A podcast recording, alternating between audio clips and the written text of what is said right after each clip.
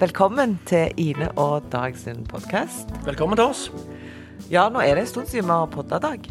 Ja, det er greit det, vel. Ja, Trenger litt pauser, vi òg, av og til. folk kan bli lei av oss. Nei, nei, aldri. Men vi liker jo godt å ha gjester i vår podkast. Ja, det er vel stort sett det vi, vi, vi holder på med. Ja. Eh, og i dag så har vi en som heter Svein Tuastad. Han er statsviter og jobber ved Universitetet i Stavanger. Hvor han underviser og forsker og skriver ting. Ja. Og hva er det vi skal snakke med han om? Vi snakker jo med han om, om mye rart, eh, og eh, Men eh, stort sett så handler det om eh, tillit i, eh, i en krisetid. Hvor viktig det er at vi stoler på hverandre, og at vi unner hverandre det beste. At vi stoler på, på staten. Stoler på de som bestemmer. Og litt kanskje om altså denne velferdsstaten. Ikke sant? Hvor viktig er ikke den nå i disse tider, Dag? Ja. Velferdsstaten kommer ikke av seg sjøl, og han kan faktisk ikke kjøpes bare for penger heller. Men da tar vi og snakker med Svein og hører hva han vi.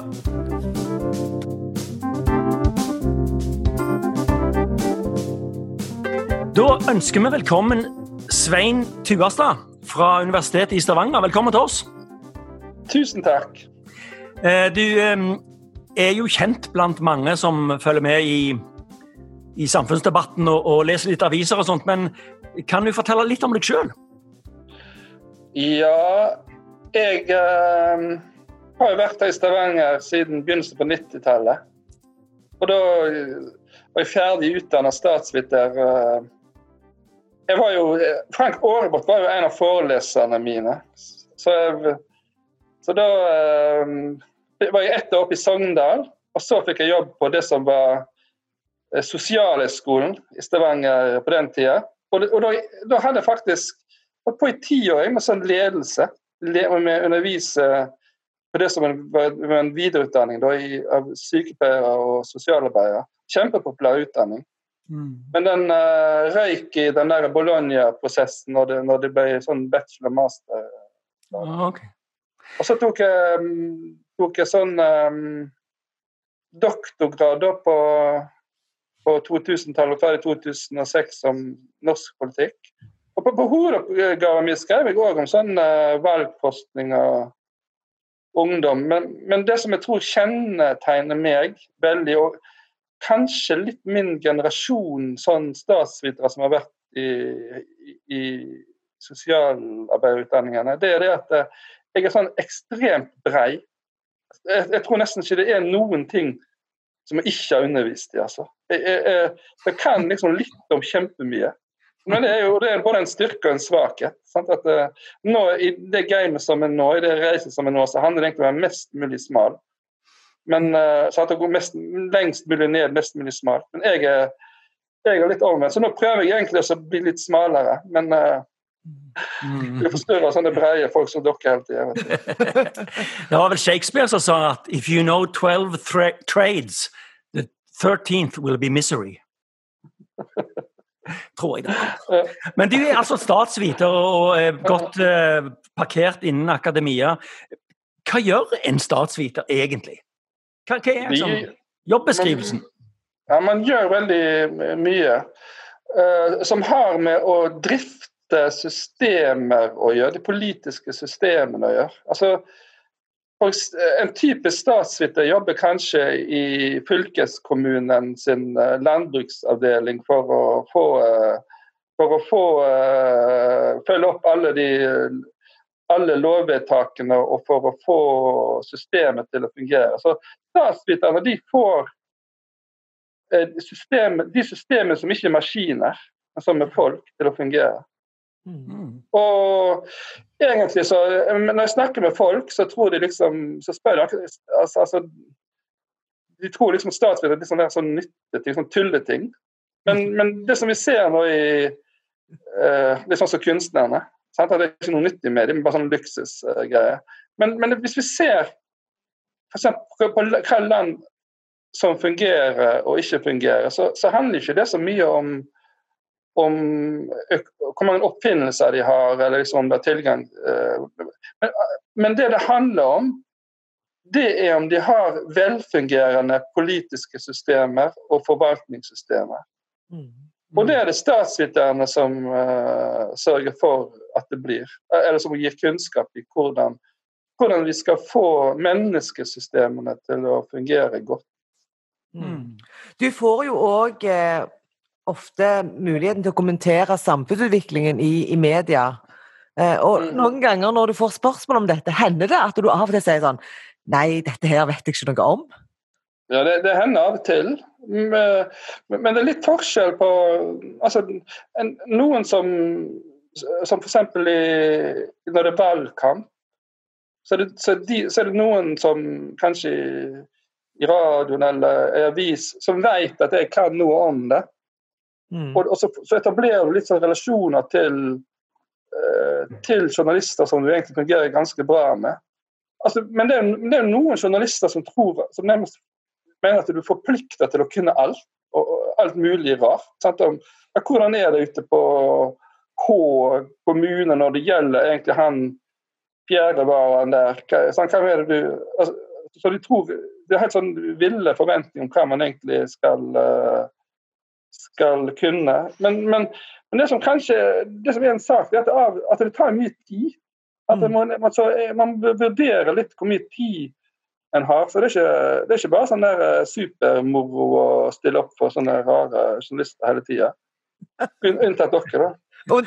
Men, men, får du mye pes av lesere som er For du, du har jo av det en mening. Det er Ikke bare objektivitet, du, du har òg en, en, ytring. Får du mye ja, pes? Det, det, det, er et interessant poeng det der.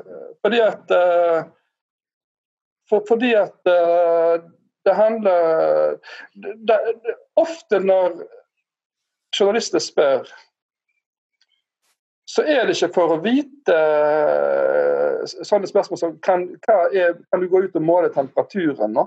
Men det handler om hva er kjernen i denne saken? Mm. Hva er kjernen i denne saken når han ordføreren uh, opp uh, og brente boss utenfor hytta når han egentlig ikke hadde lov å være der? Mm. Altså, og, så, så, og da handler det om å å tørre å bare si ja, det, det, det er dette som er kjernen i saken. Så det handler om, om å analysere pågående prosesser. Eh, noen typer sånn forskningsformidling handler jo om å bare opplyse om fakta. Sant? Hvor mange, mange er det, og når skjedde det? Men, men oftest handler det om å få innspill til det som egentlig er kjernen i, uh, i en politisk uh, sak. Og da, det, da må du både kunne analysere, og så må du tørre å si det som er sant. Mm, mm. Men du, må sånn, ha Eh, ja? Nei, unnskyld. Bare snakk, du.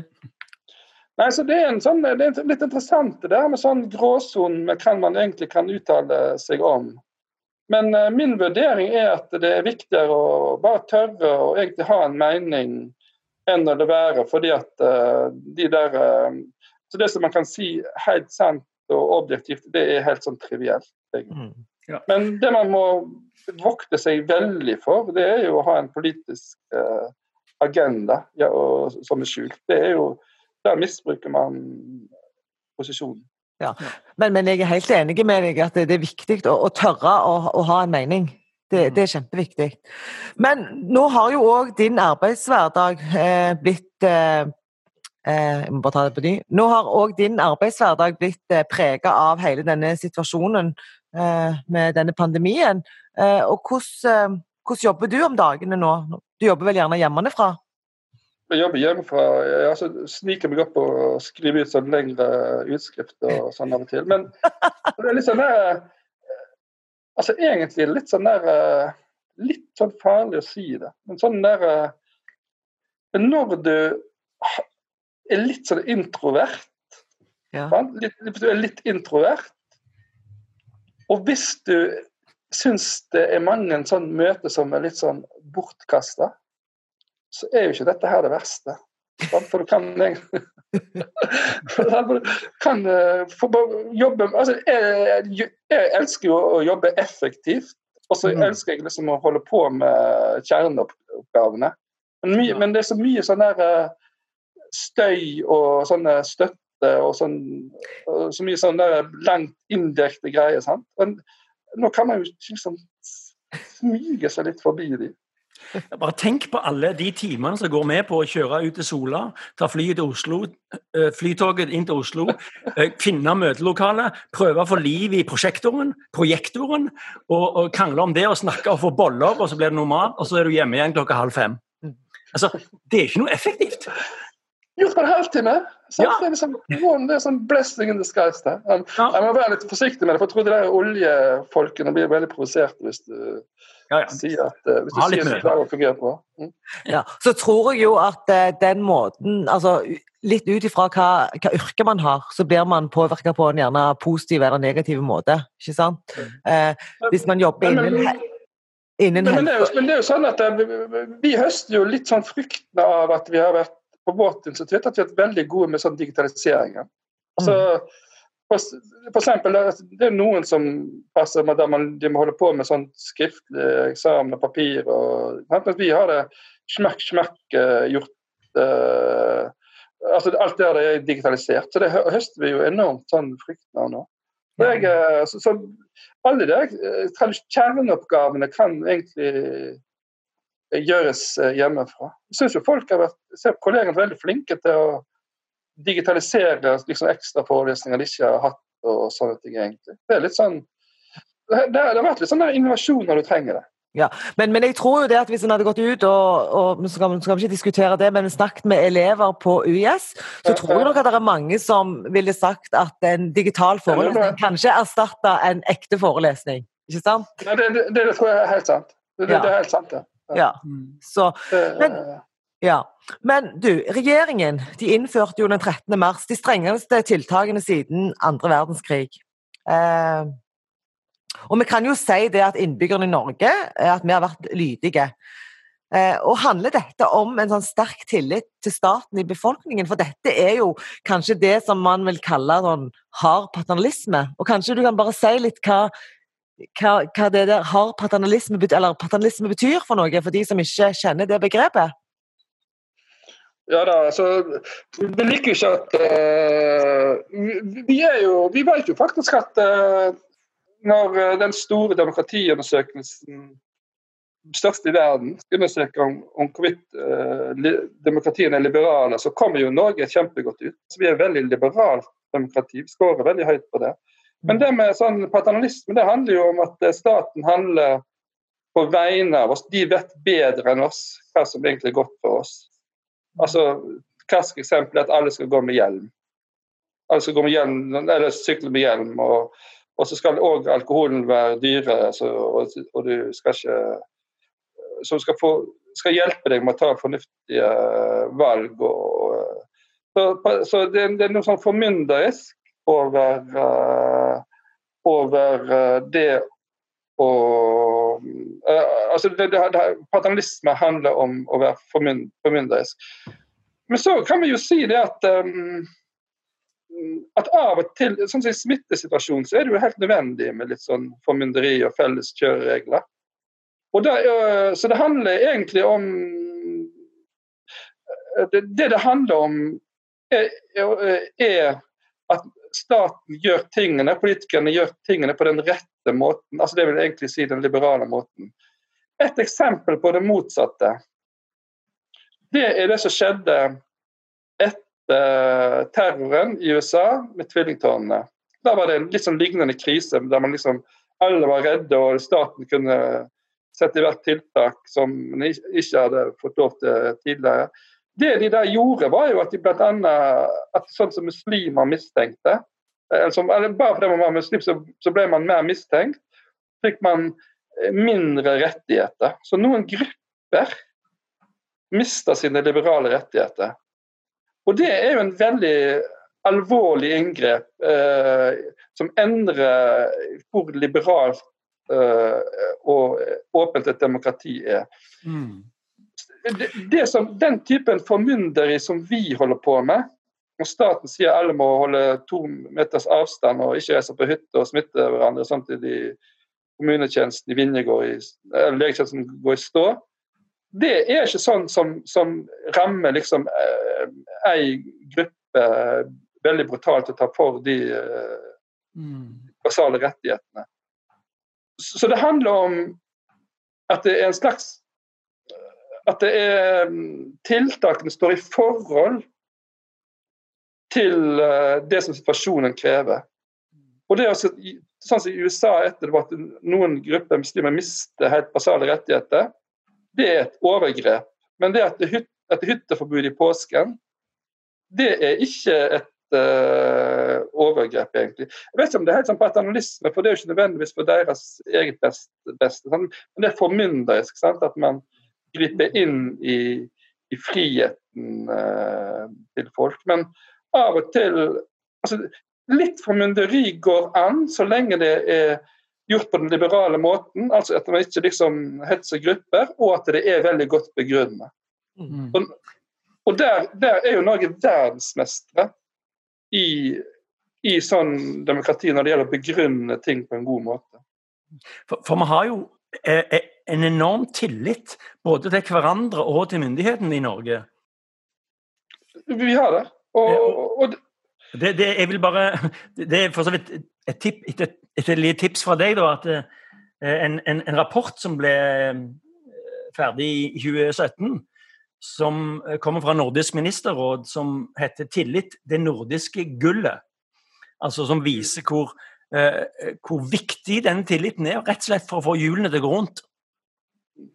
Uh, altså det, og det, Han som har skrevet, han, den, det, er jo, det er jo Bo Rådstein, som er en av de aller fineste statsviterne vi har, og samfunnsviterne vi har i, i Skandinavia. Og, og, Hans poeng er jo at uh, altså, Han er litt redd for at uh, om tillits, det høye tillitsnivået er i ferd med å bli litt sånn uh, blir litt sånn uh, trua fordi at det er noen grupper som er i ferd med å miste litt tillit. Og det er de uten arbeid og liksom litt, som er litt sånn marginaliserte. Jeg tror kanskje han Nå sitter han og skråler, han der uh, junior i kjelleren, så bare lukker han døra.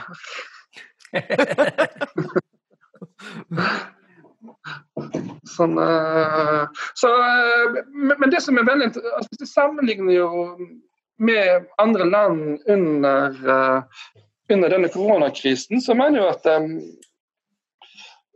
så mener jeg at, at den tilliten den gjør det jo veldig mye lettere for myndighetene å nå ut og for at vi gjør sånn som vi skal. Og det, og for eksempel, for, for eksempel nå med altså, liksom, hoved, Det store hovedspørsmålet i politikken, i koronapolitikken fremover, det er jo om vi enten skal kjøre veldig sånn slå ned, altså der, der vi skal være veldig snarere med å stenge ned og isolere. Og det har vi jo sett virker, men det får jo enorme sånn, økonomiske konsekvenser. Ja. Så er alternativet og en sånn bremsstrategi der man åpner mer opp. Men det er jo òg veldig risikabelt, for da kan jo masse gamle begynne, begynne å dø mye, mye mer. Mm. Men så er det sånn tredje alternativ, og det er jo å åpne opp med smitteapp. Sant? Med en sånn smitteapp. Som egentlig man ville sagt det er jo helt håpløst utenkelig at alle i Norge skal la seg overvåke av en det går jo ikke an. Det er jo overvåkning og 1984, og snart kommer dette til å bli et diktatur fordi de misbruker altså, det, det ikke man tenkt. Men, så er, men pga. den tillitskapitalen som er, til, så jeg har jo allerede over en million lasta ned. Og så kan vi kanskje gjennomføre en sånn, eh, en sånn brems, en sånn åpning av samfunnet, fordi vi da kan stoppe ting når, når det skjer. Altså, Siden folk laster mye ned. Og, og, det er jo ja. Det er, mener jeg, er jo et direkte resultat av at vi er et sånn tillitssamfunn. Vi finner oss jo i ganske mye. altså. Eh, nå syns vi det er helt naturlig å ta av seg belte og sko og vandre gjennom sikkerhetskontrollen. eh, som en annen gjøk. Mm, mm. Men for noen år siden så ville det òg vært utenkelig. Ja, ja. Så, så, så, det viser noe så det viser en sånn mekanisme der, der, nemlig at, uh, at det er ikke sånn tiltakene i seg sjøl som er liberale eller ikke liberale, men det er hvordan de er begrunna i forhold til konteksten, altså i forhold til situasjonen. Det er det som teller. Har du lasta ned den appen sjøl? Nesten før han kom. Ja, jeg har lasta ned. Jeg er forbanna irritert på de juristene som liksom holder på å advare mot at vi skal bli sånn uh, Kina. Det er jo helt ja, altså, Hvem i all verden bryr seg om om jeg går opp eller ned på Kiwien? Uh, altså Det skal jo veldig mye til at de der dataene kommer på avveie. Og, uh, og de, de, som roper høyest, er jo allerede, de er jo allerede overvåka av sånne sosiale medier og alt mulig annet. Men poenget er at at uh, den appen den innskrenker litt, altså den innskrenker friheten til ikke være, være sånn indirekte overvåka. Men mm. Hvis man ikke gjør det, så risikerer man jo en mye større frihet, nemlig en rett til helse og til et åpent samfunn. Så det er jo ikke sånn, det ikke sånn det at uh, det på ene sida er det bare liberale friheter og alt som før. Mm. Altså Det er jo ikke en option, det. Mens de som argumenterer mot smitteappen, de later som de på en måte har eh, et alternativ. Deres alternativ er jo liksom sperra inne på hybel i, i et halvt år. Og, og, liksom politiet og vakter utenfor eh, i gatene. Det, det, kan, det være at, eh, kan det være at det er tungt kriminelle som står bak denne hetsingen, denne appen? ja, ja altså, de, de vil jo lide. Du, du, du, det er jo en sånn, eh, det er jo en sånn der en ny uh, eh, HBO-serie som akkurat kom uh, det, er bare en film som heter mm. 'After Truth', altså e, etter sannheten. Den viser jo hvor, hvordan uh, de der alt-right, altså de der høyre, den der far-out høyresida og russiske hakkere spil, sånn, spilte på lag for å få en sånn militærøvelse i Texas det så, ser ut som Barack Obama skulle liksom eh, eh lage konsentrasjonsleir for politiske motstandere. Og, så, og de tok helt av. altså De klarte å lure folk. og eh, så, det, så det er faktisk det, Du skal ikke kimse av det at, det at, det er sånn at russerne holder på og, og, og grupper holder på å utnytte konspirasjonsteorier. Nei, jeg har ikke, faktisk ikke lasta ned ennå. Men det er bare fordi at det ikke for noe sånn prinsipielt, men jeg har bare liksom ikke tatt meg tid til det. Eh, så jeg skal gjøre det ja. i morgen. I forrige uke så ble jeg oppringt av eh, Statistisk sentralbyrå eh, og sa meg villige til å være med, med i en sånn lang undersøkelse. og Jeg satt i en halvtimes tid. Og De kom inn på veldig mange spørsmål som handla om om jeg hadde tillit til andre, om jeg hadde tillit til ditt og tillit til datt. Mm. Så tenkte jeg ja, det var jo spennende spørsmål, og jeg svarte, kom med såpass mm. ærlige svar som jeg hadde. Mm. Men så nå når jeg sitter her og snakker med deg, så føler jeg at vi, vi, har, vi scorer på topp. Vi er verdensmestere i tillit. Hvor kommer det fra? Er det noen historisk forklaring, eller Jeg ble bare litt nysgjerrig på deg. Ja, det kom eh, Det kom Det har historiske forklaringer. Og Det er veldig viktig. Det, det, det, det, var to sånne skoler når det gjelder å forklare tillit. Den ene, den ene sier liksom at det er sånn kultur, og sant, at vi er, siden vi er kristen kultur og, og ikke muslim. Men det, er bare tull. Du kan vise empirisk at ikke det holder. Og så er det en som sier liksom at det kommer fra fordi at vi har et veldig rikt organisasjonsliv. og at det der eh, men, men Rådstrand og de som uh, har, som har forska veldig på det, det de sier er at det, handler veldig om å bygge renhårige institusjoner. Om å bygge altså Når vi får uh, på slutten av 1800-tallet et byråkrati som ikke er korrupt, som ukorrupt, som er der det sitter folk som ikke bruker lensmannsposisjonen og presseposisjonen og det å være sånn statsansatt til å berike seg sjøl men der de rett og slett har gått på skole, og så er de, det beste, så fikk de den stillingen. Og så begynner de bare å følge reglene. Da binder det på seg. Mm -hmm. så, så, så, det at du har renhårige byråkratiske institusjoner, det er nesten viktigere enn demokratiet. Når du får det. Og, og, og særlig at du får det på plass før det blir massedemokrati. Og hvis det blir massedemokrati først, så tar det jo bare å bruke mm, staten til det som også ta litt i sin egen lomme og favorisere seg sjøl. Så, så kombinasjonen av at vi fikk eh, at vi har et likhetssamfunn som henger sammen med, med, med at fagforeningene og arbeidsgiverne og myndighetene ble enige om å forhandle sammen nasjonalt i 1930-årene. Det er det ene. Og det andre det er rett og slett at vi fikk et renhårig byråkrati. De mm. to tingene høres veldig sånn kjedelig statsviter men det er det som forklarer, forklarer at vi har sånn gyllen, gyllen triangel mellom um, uh, upartiske institusjoner, uh, lik, uh, sosial likhet og tillit. Det er mm. sånn mm. Men, ja, men du, og Apropos dette her med fagforeningene. Eh, jeg leste en artikkel av han eh, Kalle Moene i Aftenposten. Og Da var det to ting jeg beg meg merke i.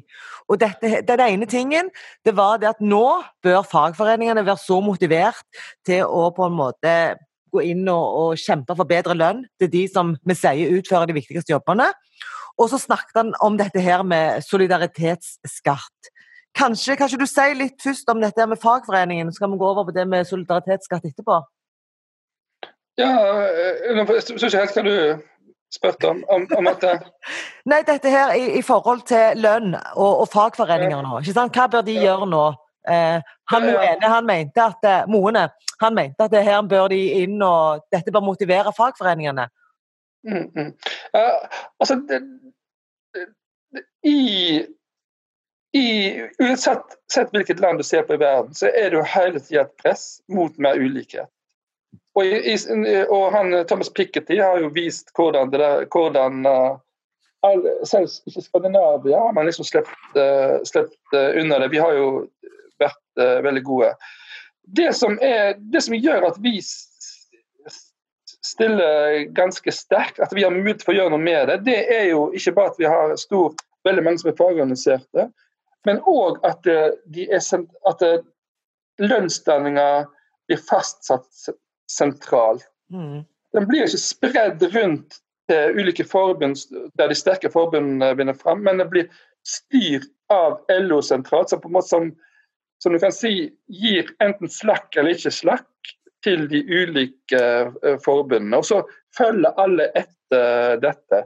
Det gir jo fagforeningene en, i Norge, um, ikke minst fordi de har høy tillit oss politikerne, en unik mulighet til å være med og opprettholde det likhetsregimet som vi er i.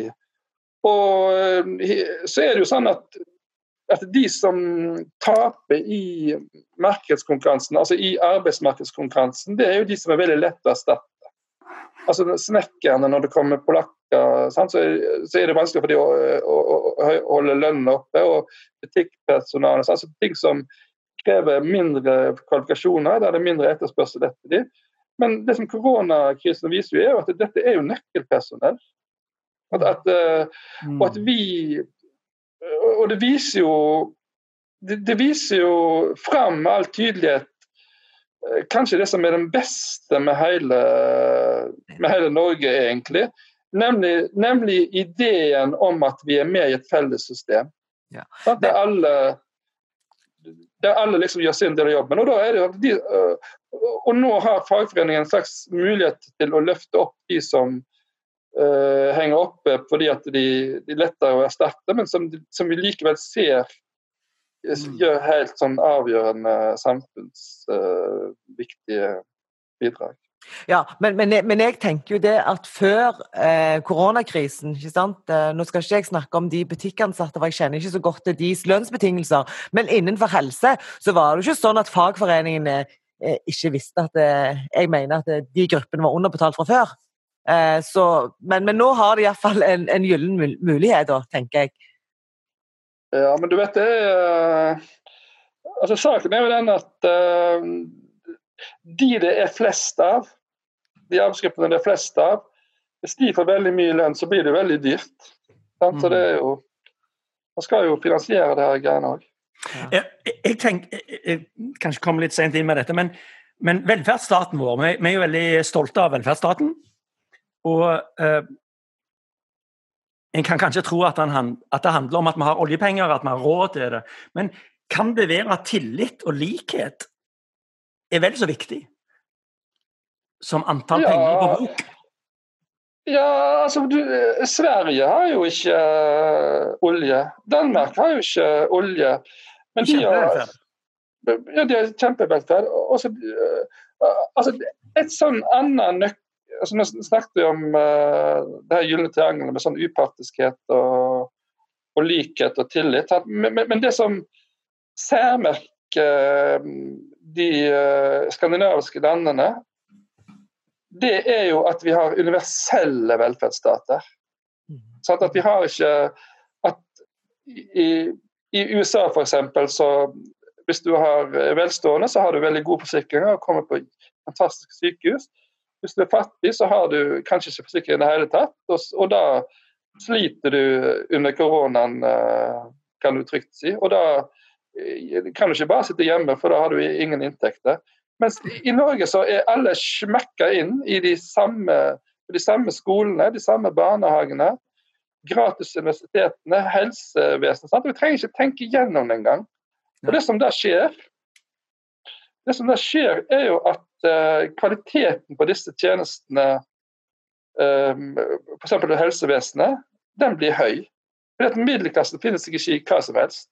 Altså når, når vi har våre unge på på den nærmeste skolen. Og hvis lærerne der begynner med tull og fanteri, så sier vi jo fra. Hva, hva er det dere holder på med? da? Det går ikke an. Dere må jo skjerpe dere og gjøre sånn som de gjør på den, den skolen.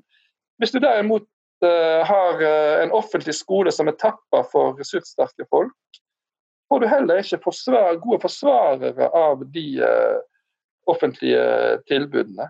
Så mm. det er sånn der Det at vi har universelle velferdsordninger som alle er med i, det er òg en sånn umistelig kvalitet ved dette samfunnssystemet. Ja. Du Svein, for å prøve å runde av litt på en sånn positiv måte. Jeg har en mistanke om at du er opptatt av fotball. Eh, og Mistanken den stammer fra en, en publikasjon du har eh, ansvaret for, som heter The Scandinavian Sport Model Myths and Realities Norwegian Football as a Case Study. Nå er jo fotballen nede så det holder. Det er jo ingen fotball. Så jeg egentlig det, er det verste med hele koronaen.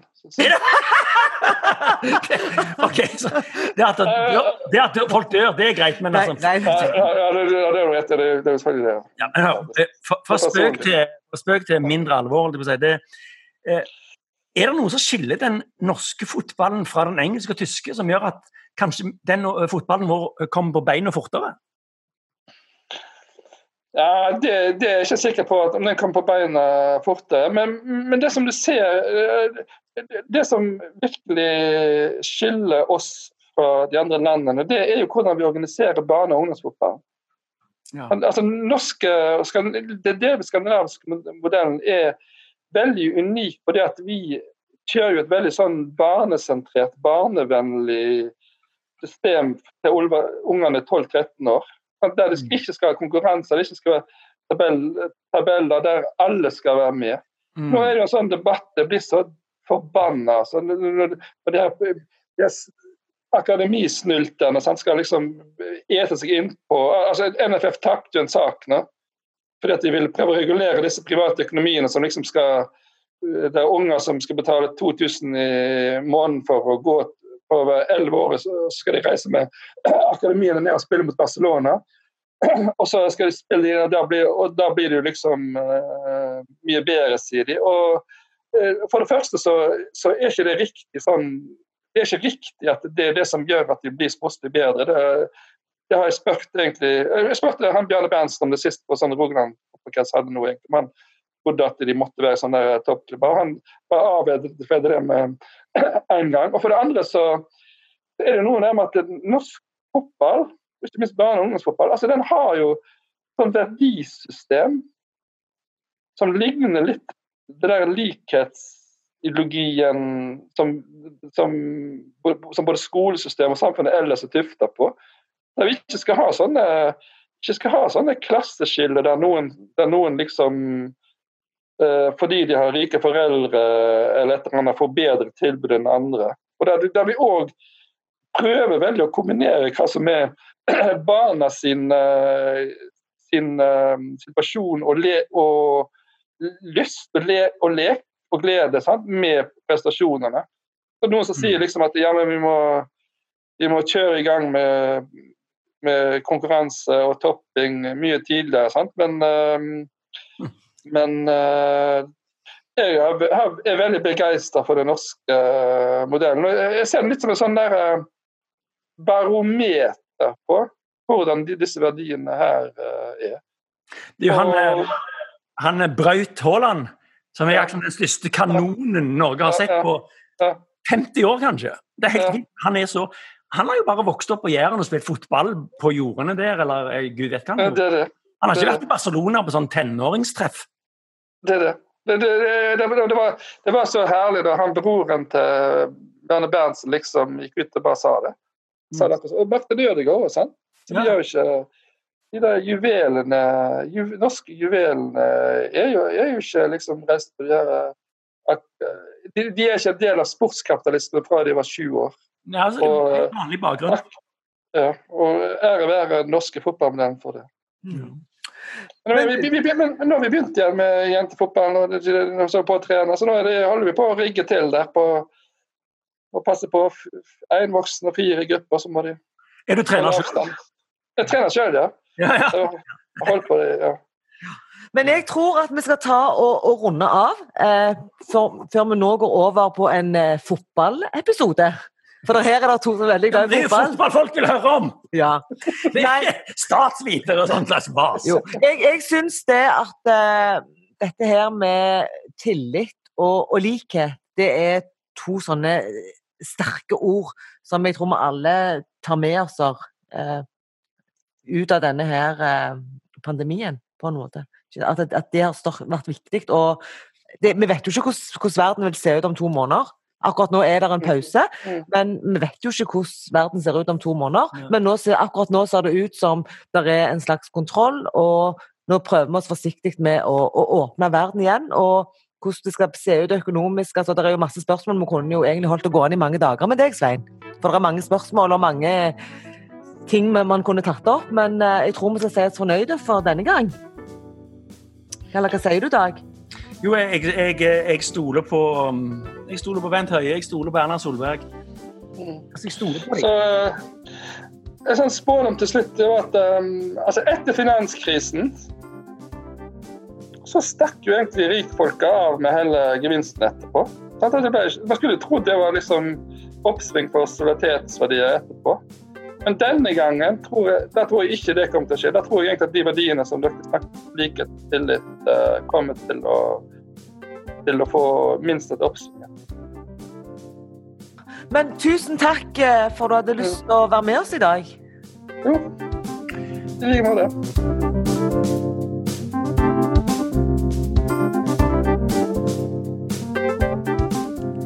Jeg er så glad at jeg, eh, jeg bor i Norge i dag. Ja. Er ikke du det? Jo. Ja, hvorfor? Jeg, jeg, eh, jeg, jeg er veldig glad for altså det som kommer fram i denne, denne publikasjonen fra Nordisk ministerråd, om at, eh, at vi stoler i veldig veldig stor grad på hverandre her i dette landet og, og i Skandinavia ellers. Og, og, jeg merker det faktisk når jeg, når jeg, går i byen eller jeg rundt omkring. Eh, reiser til Bergen eller Oslo. Jeg, jeg har veldig jeg, går ikke rundt og mistenker folk for, for, for å ville meg noe vondt. Kanskje jeg er litt dumsnill. Nei, jeg tror ikke du er det. Men samtidig så eh, Det snakket vi ikke om, om Svein om. Men det blir jo spennende å se nå på hvordan verden ser ut framover. Altså økonomisk, og det er høy arbeidsledighet. Så det, det er jo en krevende tid framover. Ja, det er det. Bare krysse fingre og armer og bein og alt du måtte ha av kryssbare ting. Ja, for at ting skal gå bra. Ja. ja. OK, men eh, da skal vi takke for i dag. Ja. Kjekt du hadde lyst til å høre på oss. Så er vi tilbake med en ny episode om ikke så lenge. Ha det bra. Ha det!